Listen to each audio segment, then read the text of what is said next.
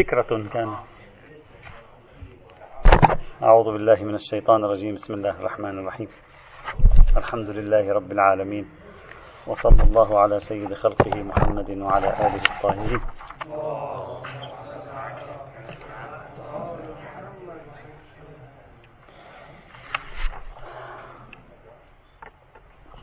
كنا نتكلم بالأمس حول موضوع مذاق الشريعة وروح الشريعة ومذاق الشرع. وتعرضنا لسير تاريخي استعرضنا فيه بعض النصوص الأساسية. طبعا عينة من النصوص سيأتي غيرها في مطاوي البحث أيضا. بعض النصوص الأساسية من كلمات صاحب الجواهر الذي أكثر من استخدام هذا التعبير. وذكرنا أيضا عينات من النصوص العلماء اللاحقين ابتداء من أمثال السيد الخوئي وشيخ حسين الحلي وسيد الشهيد الصدر وكثيرون وسيد الإمام الخميني وغيرهم أيضا. هذا فيما يتعلق باصطلاح مذاق الشرع أو مذاق الشريعة أو ذوق الشارع أو الذوق الشرعي ما شئت فعبر. أما اصطلاح روح الشريعة أو روح القرآن فهو أقل بكثير من اصطلاح مذاق الشرع. يكاد يكون شبه نادر استخدام مصطلح روح القرآن أو روح الشريعة أو آه، روح الشرع. يعني كثير آه، أقل من ذلك يعني.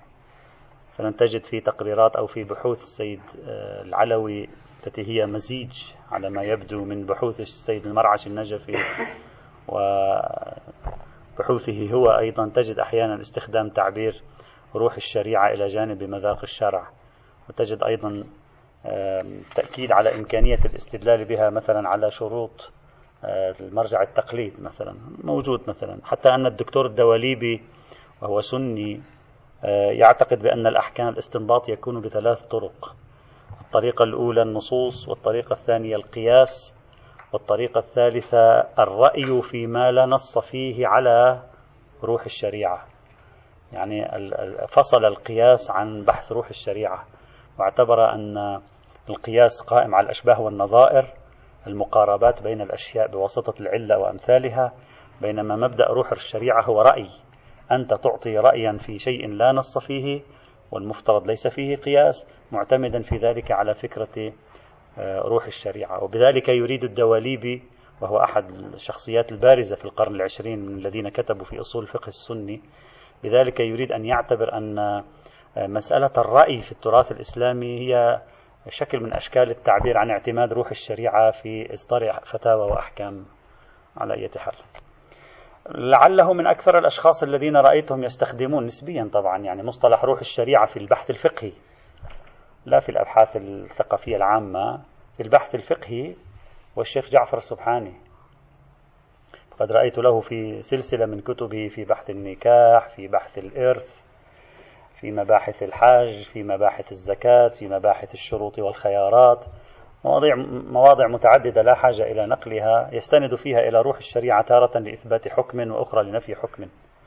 آه، تارة لإثبات فتوى وأخرى لنفي فتوى. وهذا ملحوظ يعني لفت نظري أن الشيخ يستخدم مبدأ روح, روح الشريعة في الاستنباطات الفقهية. أحيانا يذكر معه مذاق الشرع أحيانا لا يذكر تعبير مذاق الشرع. مثلا السيد محمد باقر الحكيم في تفسيره لسورة الحمد يعتبر أن من الأسس المنهجية التي يعتمدها هو في تفسير القرآن الكريم هو الاعتماد على الروح العامة للقرآن. يعتبر أن الروح العامة للقرآن تمثل أحد أسس التفسير عند المفسر. كلما كان المفسر خبيرا بالروح العامة للقرآن استطاع أن يفسر الآيات بشكل أفضل ويجعلها قرينة. هذه الروح العامة يجعلها قرينة هنا وهناك على مباحثه التفسيرية. هذا طبعا تعبير روح القرآن موجود عادة يطرحونه في بحث التعارض أن نعرض الأحاديث على روح القرآن أو على المزاج العام للقرآن أو على المزاج القرآني. وهي الفكرة التي تحدثنا عنها مرارا في مناسبات متعددة لا حاجة للإطالة فيها التي طرحها السيد باقر الصدر والسيد السيستاني والشيخ هاشم السيد هاشم معروف الحسني. طرحها الشيخ حسين فضل الله طرحها الشيخ محمد مهدي شمس الدين طرحها الشيخ الصادق الطهراني أيضا آخرون طرحوها وتحدثنا عنها في مناسبات عديدة وكثير منها منشور أيضا. لا نريد أن نطيل فيها. طبعا فكرة روح الشريعة هذا العنوان لا أقل في العالم العربي اشتهر به محمد حسين فضل الله رحمه الله بحيث أنه طرحه للتداول العام واعتبره من أسس الاجتهاد وأن مبدأ روح الشريعة يمكننا أن نستند إليه في تقييد إطلاقات أو في فهم نصوص أو في الحكم على نصوص. هذا متداول في كلماته وحواراته أيضا. فإذا مصطلح روح الشريعة روح الشرع الروح القرآنية المزاج القرآني مزاج الشريعة هم موجود أيضا لكن المصطلح الأكثر شيوعا في الدراسات الفقهية عند الإمامية خلال القرنين الأخيرين هو مصطلح مذاق الشرع مذاق الشريعة المذاق الشرعي الذوق الشرعي. هالتعابير اللي هي مرتبطة جزء منها بالذوق وجزء منها بالشرع. هذا تاريخ المصطلح وسير هذا المصطلح. الآن بعد هذه هذا العرض الموجز الذي تكلمنا عنه نريد أن نتحدث عن ما هي النتيجة الأولية التي نستخلصها من هذا العرض في فهمهم لكلمة المذاق وما هي أدوار مذاق الشرع وروح الشريعة في الاستنباط بحسب تجربتهم بحسب التجربة التي رصدناها وسنرصد غيرها أيضا ما هي الأدوار التي تلعبها فكرة روح الشريعة ومذاق الشرع؟ يعني ماذا تفعل؟ تأسس حكم؟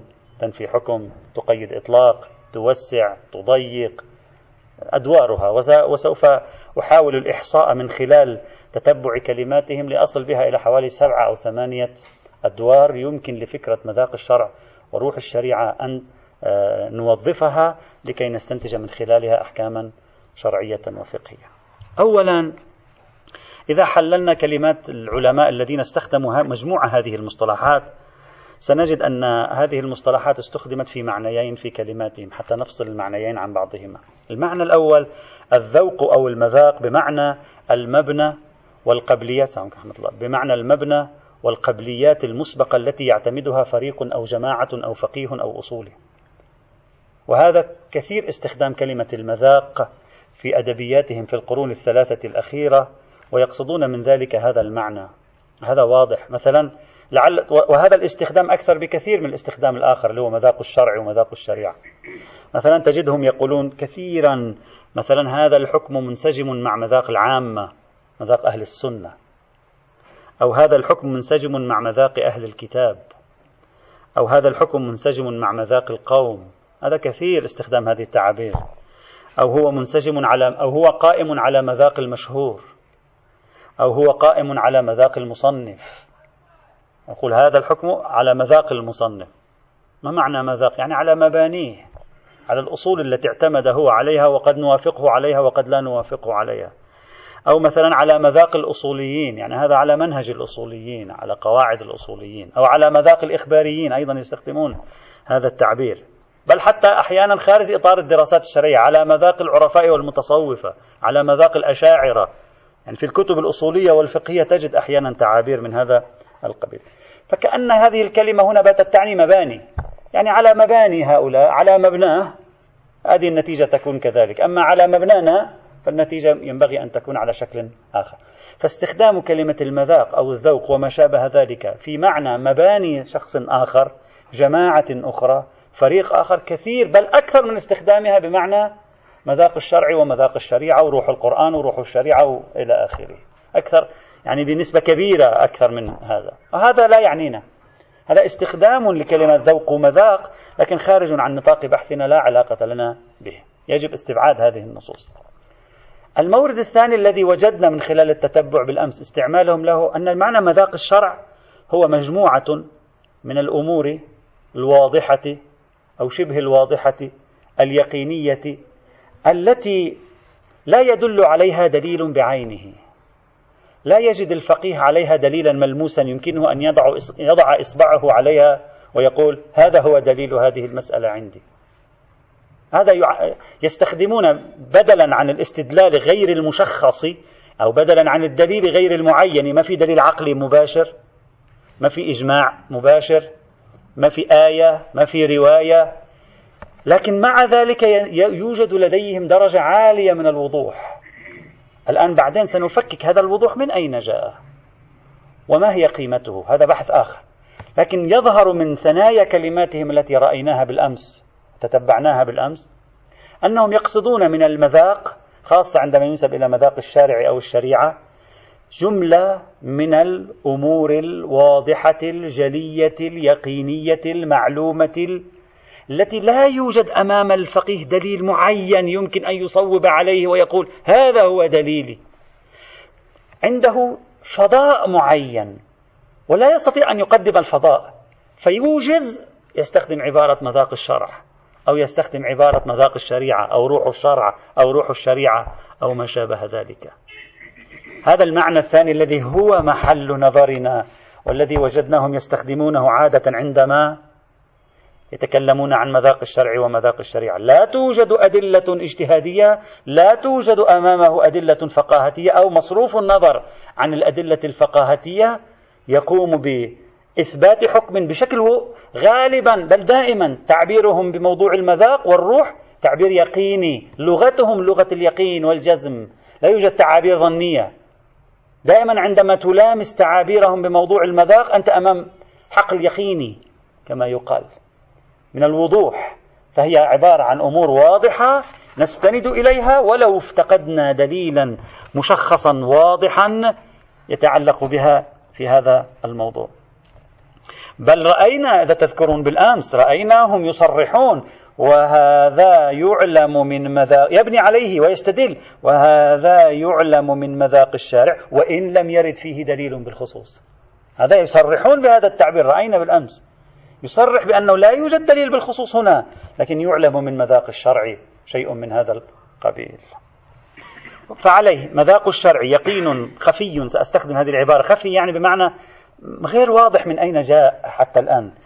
يظهر في نفس الفقيه نتيجة تراكمات أو عمليات ذهنية ضمنية عميقة ناتجة عن التجربة طويلة ومطلوب منا هنا في بحثنا نحن الآن أن نكتشف هذه العمليات التي حدثت في ذهن الفقيه ونعرضها عرضا موضوعيا لنرى هل هي صحيحة غير صحيحة ما هي مبرراتها من أين أتت هل هي مجرد حالة نفسية نشأت عند الفقيه وهل هذه الحالة النفسية العفوية حجة لو بلغت مرحلة اليقين؟ مبررة موضوعيا أو غير مبررة موضوعيا؟ هذا الذي علينا أن نبحثه. حتى نخرج هذه هذا المصطلح من دائرة التوظيف العفوي إلى دائرة التقعيد والتقنين والبحث آه، الواعي كما يقولون مقابل البحث في اللاوعي. طيب. وبهذا نكتشف ولاحظنا بالأمس أيضا أن فكرة مذاق الشريعة وروح الشريعة تدفع الفقيه لعدم الاستعجال والهرولة والركض خلف الأصول العملية. يعني الفقيه إذا فقد الأدلة لا يستعجل إلى الأصول العملية. قبل أن يلج الأصول العملية يوجد فضاء نسميه بمذاق الشريعة يمنعه عن أن يقتحم مجال الأصول العملية. فكأن فكرة مذاق الشريعة تقول للفقيه إياك أن تستعجل لأنك لم تجد رواية في الموضوع لأنك لم تجد آية بعينها في الموضوع تتمسك فيها بإطلاق أو عموم. تستعجل لا يوجد إجماع لا... إذا أصل البراءة. اصبر قبل أن تذهب إلى أصل البراءة. ثمة شيء من نوع آخر. ثمة دليل من نوع آخر عليك أن تتوقف عنده. فإن لم تجده اذهب إلى إجراء الأصول العملية. وإلا عليك أن تتريث عنده.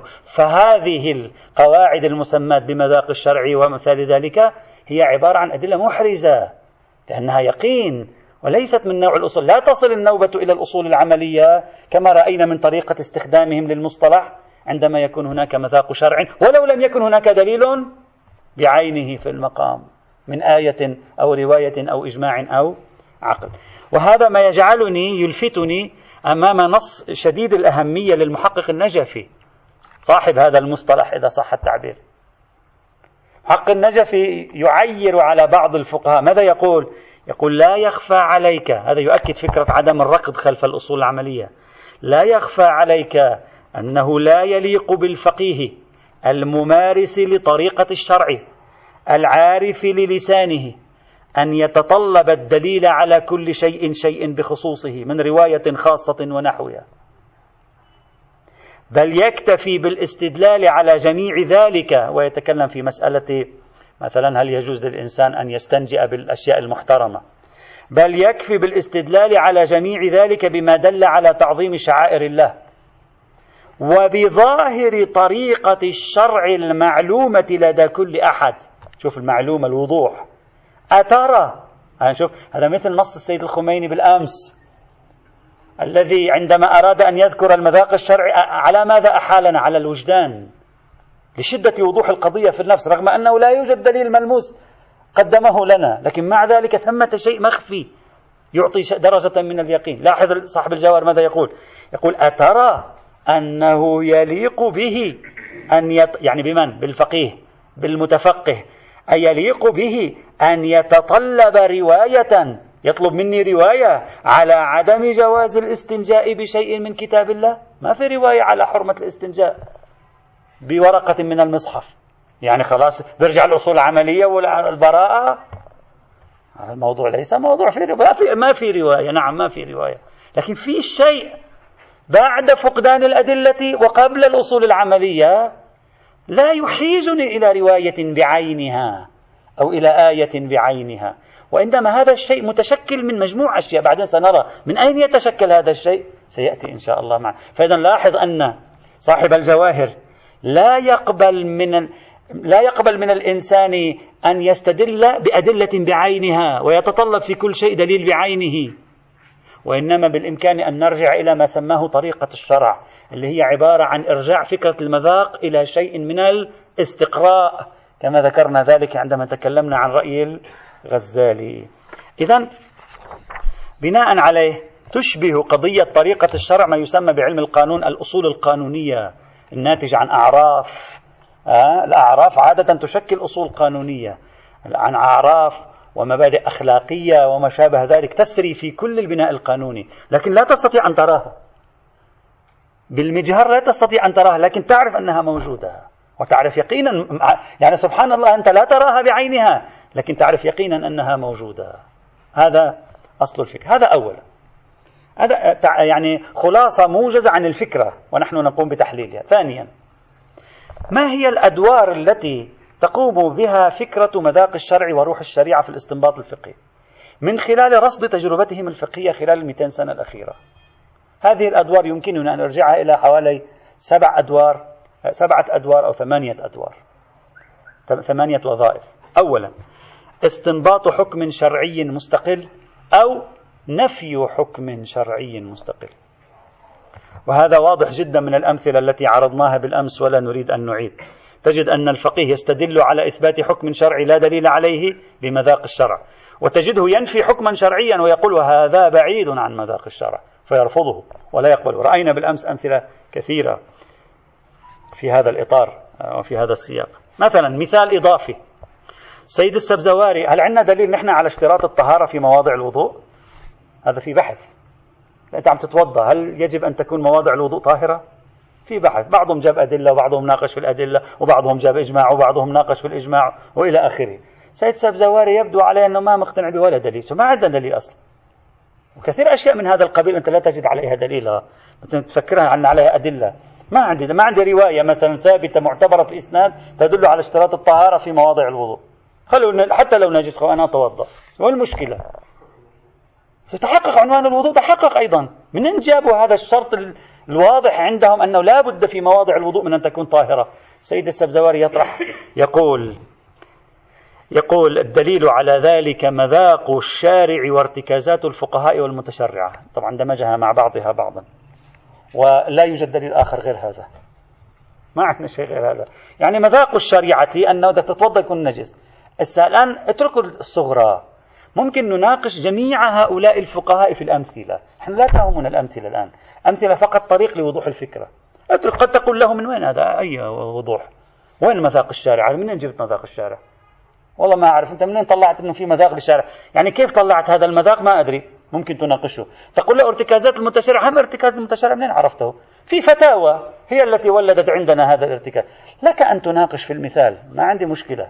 لكن أصل الفكرة أثبت شرطا في أعضاء الوضوء ليس له وجود في الأدلة الشرعية بواسطة مذاق الشارع. نعم. لا ليس مطهر بالضرورة. قد لا يكون مطهرا. ممكن واحد يغسل وجهه مرة واحدة. لا تكفي. يكون عين النجاسة موجودة. لا تكفي. ممكن يغسل يده. يد اليسار مرة واحدة. بعضهم يستشكل حتى في المرتين صحيح؟ ومرة واحدة ولكن تكون نجسة. مش بس نجسة هم تنجس لك إيدك. وبعد ما تنجس لك إيدك أيضا هم تنجس لك رأسك. هم تنجس راح كل شيء. فمن نجيب دليل؟ يقول لك مذاق الشارع. الآن بعدين نحلل هل نقبل على هذا التطبيق أو لا بحث آخر. مثلا سيد محمد سعيد الحكيم عنده فكرة لطيفة. الأمثلة هذه جميلة. هم تدلك على أن الفقه أين هو؟ مثل مثل بالأمس جناب الشيخ. في إحدى المسائل سويت له مشكلة. تدلك الفقه أين هو؟ تدلك بعض القواعد اللي مطلعتنا هي الأحكام الفقهية. وما في دليل آخر. سيد محمد سعيد الحكيم يقول طيب. بحثنا عن الأعلم أدركنا أن الأعلم واحد من خمسة. من هو؟ لا أدري. تعلم بتساويهم؟ لا أعلم بتساويهم. بل أعلم بأنه في واحد منهم أفضل ولا أدري من هو. أو أحتمل أن واحد منهم أعلم ولا أدري ما هو. قاعدة ماذا تقول؟ الأخذ بأحوط القولين. صحيح؟ مقتضى القاعدة عندهم الأخذ بأحوط الأقوال. يعني بتأخذ أحوط واحد. وبالتالي أنت يعني الذي لم يتحدد لك الأعلمية كل ما اختلفوا في مسألة تأخذ أحوط شيء. أحوط أحوط أحوط إلى آخره. حياتك حينئذ يعني يكثر فيها الاحتياط بشكل طبيعي وهذا. الآن أحمد سعيد الحكيم يناقش هذه الفكرة. انظر إلى طريقة المناقشة. يحدد يعني حكما شرعيا من خلال طريقة المناقشة هذه. مثلا يقول البناء على مقتضى القواعد في التقليد من التساقط مع الاختلاف. يعني تتساقط حجية كل واحد وبالتالي علي الاحتياط بينهم. مستلزم لكثرة موارد الاحتياط بسبب ظهور آراء المجتهدين وكثرة اختلافهم وعدم تحقق المرجح ثبوتا أو إثباتا. وهو مستلزم للحرج بل اختلال النظام بل لازمه قصور تشريع التقليد عن الوفاء بحاجة المكلفين. إحنا, إحنا لماذا ذهبنا إلى التقليد؟ مش حتى يخلصنا من الاحتياط والاجتهاد؟ هذا التقليد تضع مثل الاحتياط والاجتهاد. صرنا هم عندنا مشكلة فيه. السيد يعبر يقول لازمه قصور تشريع التقليد عن الوفاء بحاجة المكلف. أنا هو التقليد لماذا؟ لكي يخفف عنك. شو هذا التقليد؟ صار هو نفسه الاحتياط. وهو بعيد عن مذاق الشارع الأقدس في التسهيل عليهم والرفق بهم. لذلك السيد ماذا يقول؟ يقول أنت مخير. تحتاط أو تتخير بين الفتاوى. إذا تريد تحتاط براحتك احتاط. ما تريد تحتاط تتخير بين فتاواهم. فلا يرى الإلزام بالأخذ بأحوط القولين عند العلم بوجود أعلم وعدم تشخيصه أعلم وعدم تشخيصه أو عند احتمال أعلمية واحد منهم وعدم تشخيصه خلافا لفتوى كثيرين الموجودة الآن. على ماذا يستند في نفي هذا الحكم في نفي الحكم بوجوب أخذ أحوط القولين؟ يستند إلى مذاق الشريعة في التسهيل. قل الشريعة مبنية على مذاق التسهيل وبالتالي هذا هذا خلاف مذاق التسهيل. في هذا. أنتم تعرفون أن قواعد باب الاجتهاد قواعد حديدية. أن باب الاجتهاد كله محكم على شكل قواعد نظرية ليس مثلا رواية. هذا تجري قواعد تنجيز العلم الإجمالي والأصول العملية. تعرف هذه خاصة توفوا وما توفوا أعلم وغير أعلم.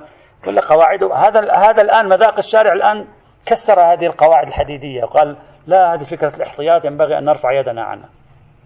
مثلا.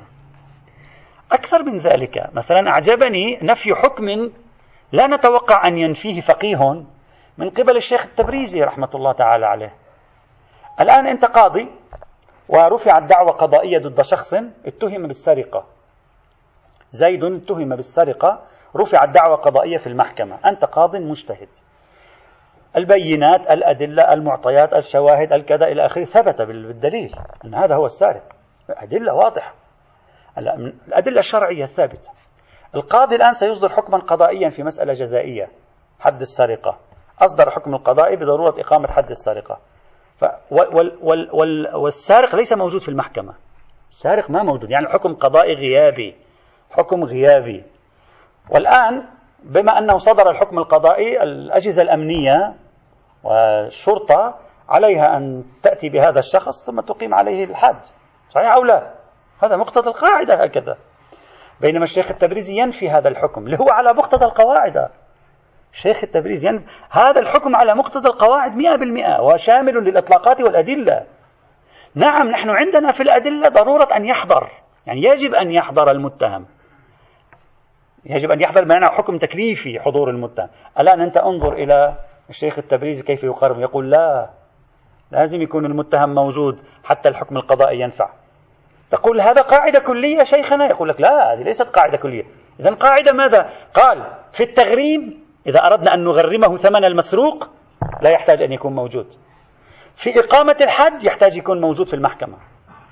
حال صدور الحكم. شو الفرق؟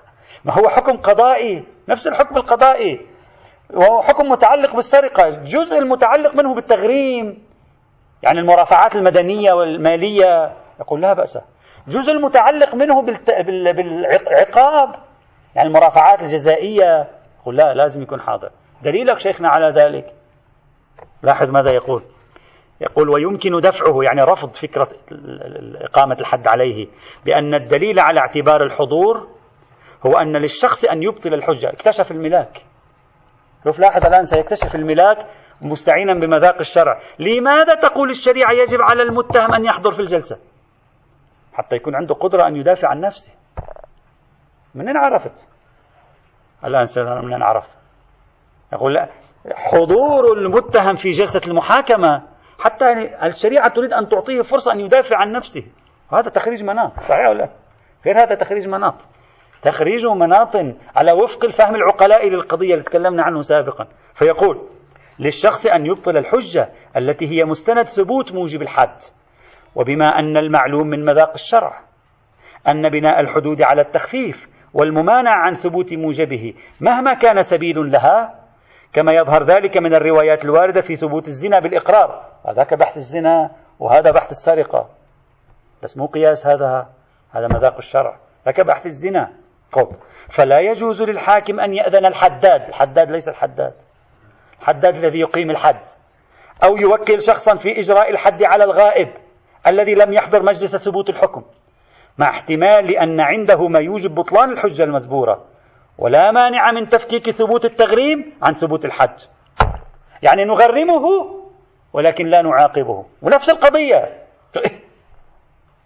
يعني استند إلى مقاربة تخريج مناطية معتمدا في ذلك على فكرة مذاق متعاونا ذلك مع فكرة مذاق الشارع. وفي الوقت عينه ميز بين شيئين متلازمين. يعني النتيجة ميزت بين شيئين متلازمين والمقدمة ربطت بين أشياء غير متلازمة.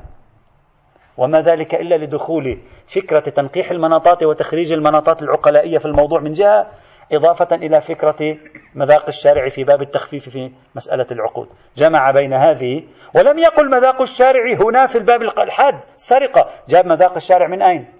أتى به من باب الزنا. هذه التوليفة ممكن شخص ينظر لها من اليمين يقول هذا كله قياس في قياس.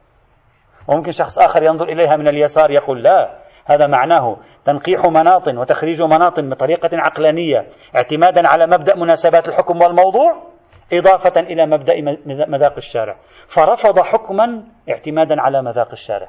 فإذا أول آه، مورد من موارد قيامهم باستخدام مذاق الشارع إثبات حكم أو نفي حكم. هذا أول مورد. المورد الثاني. تعدية حكم شرعي لمجال غير منصوص. يعني حكم شرعي يكون في منطقة تعديه إلى منطقة أخرى بالمذاق. مش تؤسس حكما لا وجود له من الأول. لا له وجود. غاية الأمر هذا الحكم موجود في دائرة. أنت تسري هذا الحكم إلى دائرة ثانية. أنا فصلت بين الموارد لمزيد توضيح. تسري إلى دائرة ثانية. من هو الذي يساعدك في التسرية القياس؟ لا قياس مرفوض. الذي يساعدني في التسرية مذاق الشارع. هذا هذا أيضا موجود. مثلا على سبيل المثال جئنا بقطعة من ميت عثرنا على قطع من ميت وهذا الميت ماذا نتعامل معه؟ صدره يده قدمه نريد أن نصلي عليه نكفنه لا نكفنه إلى آخره مثلا. فماذا يقول محقق الهمداني في موضوع التعامل مع أجزاء الميت؟ في ثنايا هذا البحث يذكر جملة. يقول من المعلوم لديهم أن الشارع لا يهتم بالصلاة على من لم يوجب احترامه بالدفن والكفن والغسل. يقول إذا إذا الشارع قال هذا غير محترم يعني ما معنى غير محترم؟ إذا الشارع قال لا يجب دفن زيد. إذا الشارع قال لا يجب تكفين زيد. إذا الشارع قال لا يجب غسل زيد. تغسيل زيد غسل الميت. ماذا يفهم المحقق الهمداني؟ إذا لا يجب الصلاة عليه. يابا هذا قياس. شيخنا هذا قياس والله هذا هو القياس غير أرجو مثلا قد أنت تقول له هكذا. هذا القياس شيخنا. يقول لا المعلوم لديهم أن الشارع كذا وكذا. كيف عرف المعلوم؟ دون أن يتورط في لوثة القياس ورطة القياس.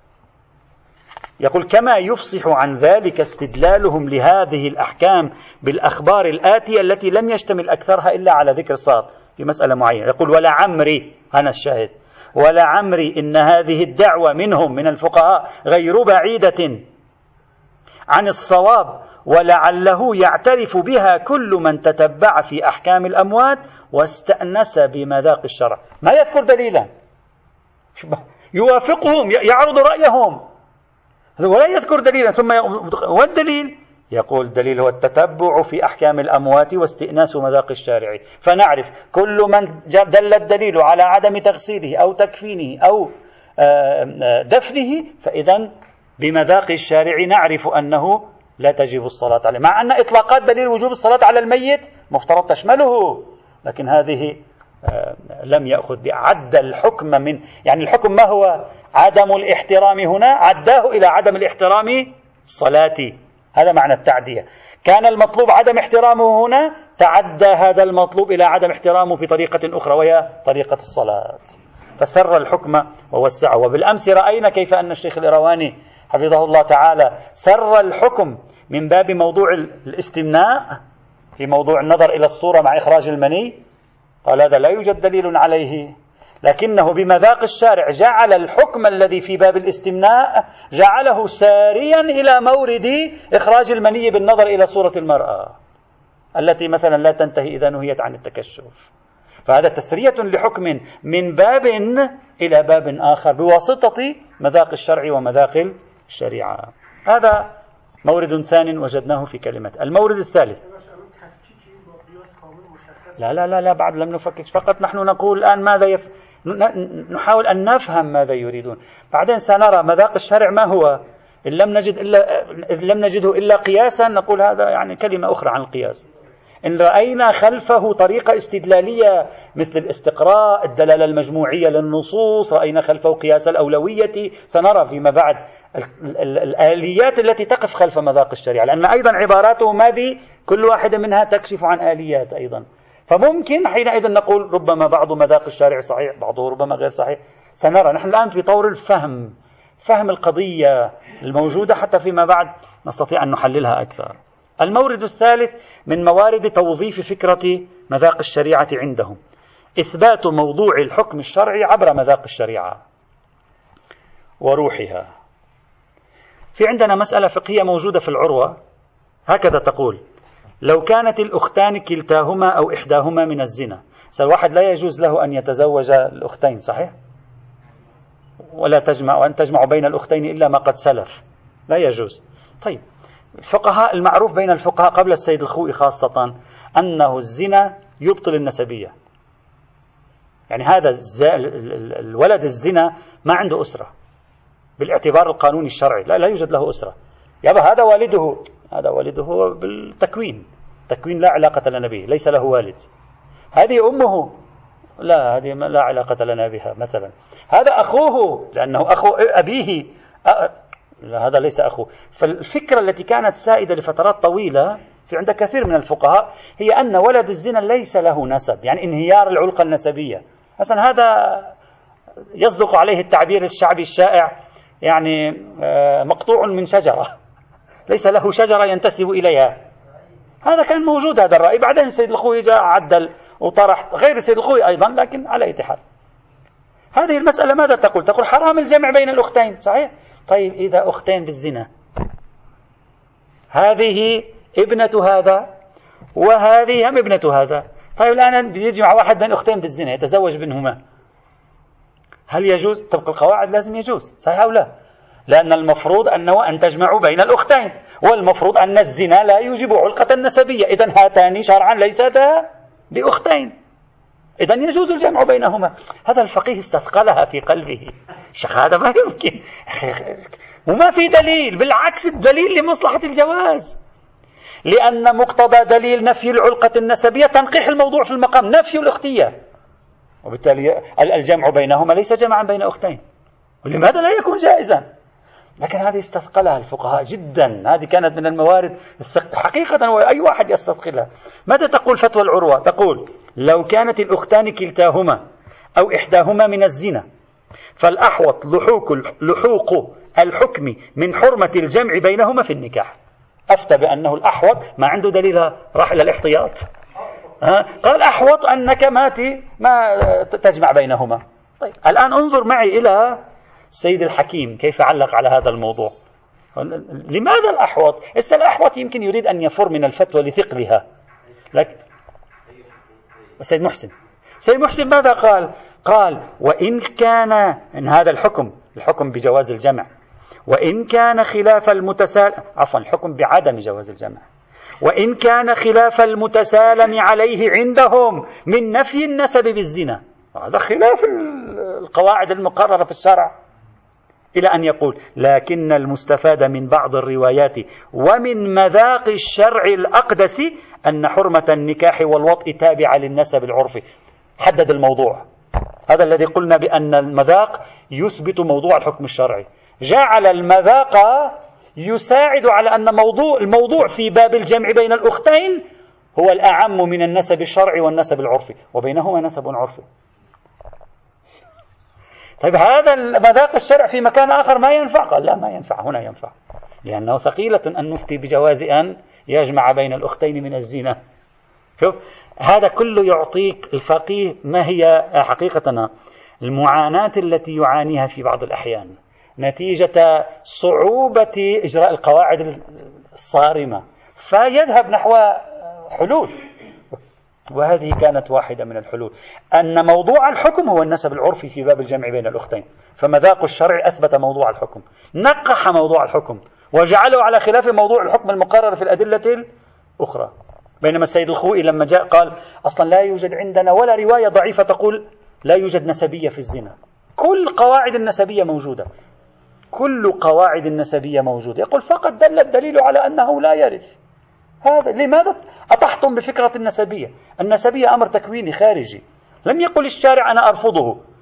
فقط قال لا توارث. نقول لا توارث. وبقية أحكام النسبية تبقى. واللطيف. أن السيد الخوئي هنا هم يستند إلى شيء في المذاق. مثلا لاحظ ماذا يقول السيد الخوئي. يقول آه لم ترد حتى ولا رواية ضعيفة تنفي النسب عن المولود بالزنا. تعرف ما معنى تنفي النسب؟ تنفي النسب يعني هذه ابنة الشخص من الزنا لا يجوز له النظر إليها. نعم. وهذه لا يوجد لها ولي لتأخذ إذنه في النكاح.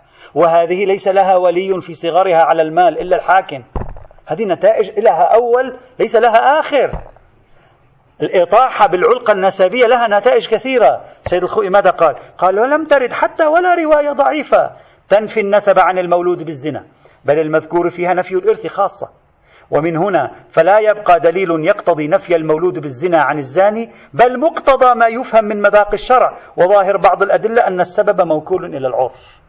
يعني كلاهما الذي وافق على وجود النسبية والذي رفض وجود النسبية كلاهما اتفق على أن المذاق الشرعي يجعل النسب العرفي هو المعيار في هذا الموضوع على الأقل في دائرة الزوجية. إذا هذا من الموارد التي أيضا لاحظناها في تطبيقهم لمذاق الشريعة. مورد آخر.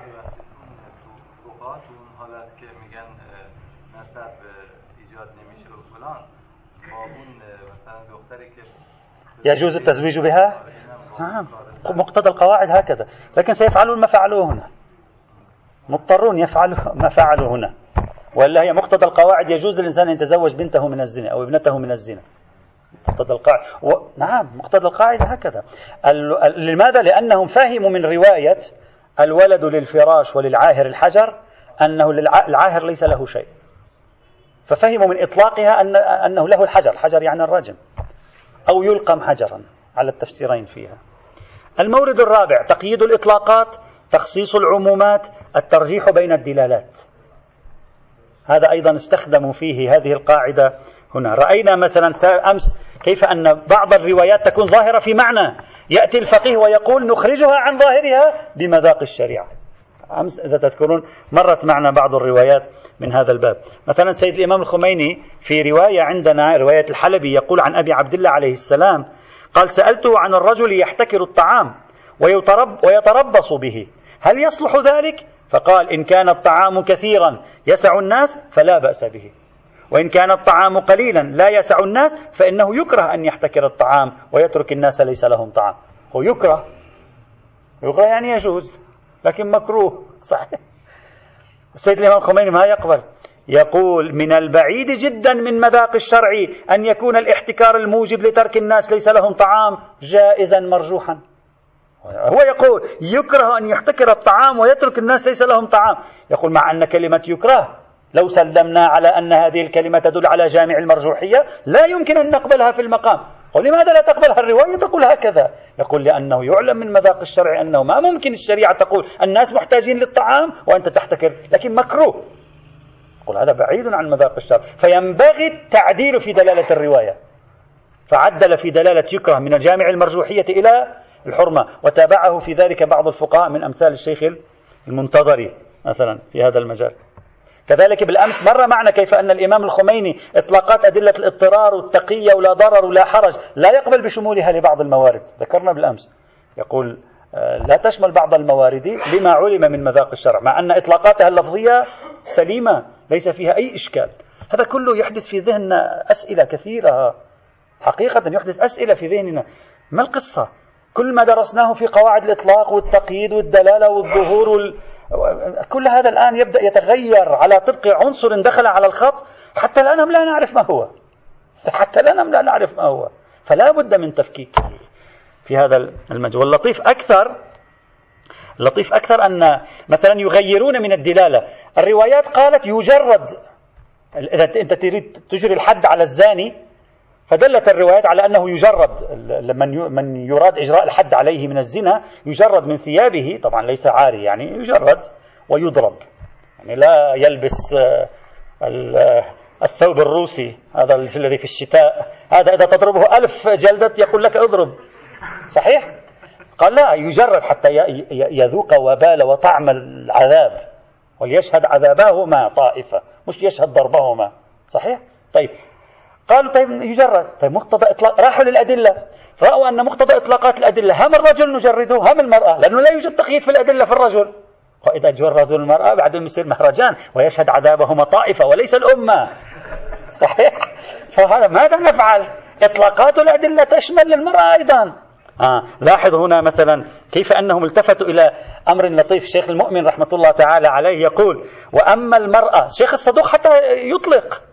يطلق في الموضوع. يقول وأما المرأة فمستند قول الصدوق قول الصدوق أن خبر طلحة مطلق شامل للرجل والمرأة ولذلك أفتى الصدوق بذلك. ودليل المشهور هو انصراف دليل وجوب التجريد عن المرأة. المشهور ماذا قالوا؟ قال دليل التجريد تجريد من اللباس منصرف عن المرأة. وهذا يفتح علينا باب مهم لابد أن, نلتفت ممكن كثير كثير من الانصرافات التي جاءت في أذهان المتقدمين منشأ موضوع مذاق الشريعة. هذا جميل أن يكتب فيه بحث. ممكن واحد يتتبع دعاوى الانصرافات عندهم طبعا كثيرة جدا. وبعضها قد تجد أنه إنما يدعي الانصراف ومنشأه أصلا ممكن يكون مذاق الشرع. هنا ما كان عندهم فكرة مذاق الشرع قالوا منصرفة عن المرأة. يابا منصرفة كيف؟ في انصراف لفظي يعني قواعد الانصراف موجودة قواعد الانصراف غير موجودة. ليس مثل كلمة البيض المنصرف إلى بيض الدجاج. وين انصراف. في الحقيقة ربما خلف الانصراف كان في مذاق الشرع. في ذهنهم. لذلك الشيخ القمي ماذا قال؟ قال مع ما علم من مذاق الشرع من شدة تحفظه على ستر المرأة ولذلك أيضا اعتبر فيها الجلوس حال إجراء الجلد عليها. المرأة تجلس عند إجراء الجلد عليها. الرجل يقف يقول هذا يعلم من مذاق الشرع أنه لا يمكن أن تكون تلك الأدلة شاملة للمرأة. ولعل هذا هو الانصراف الذي أقول ولعل هذا هو الانصراف الذي طرحه المتقدمون وإلا القضية ليس فيها انصراف أصلا دليل مطلق. انصراف من وين؟ انصراف ناشئ عن معرفة مذاق الشارع. في مثل هذه القضية هنا.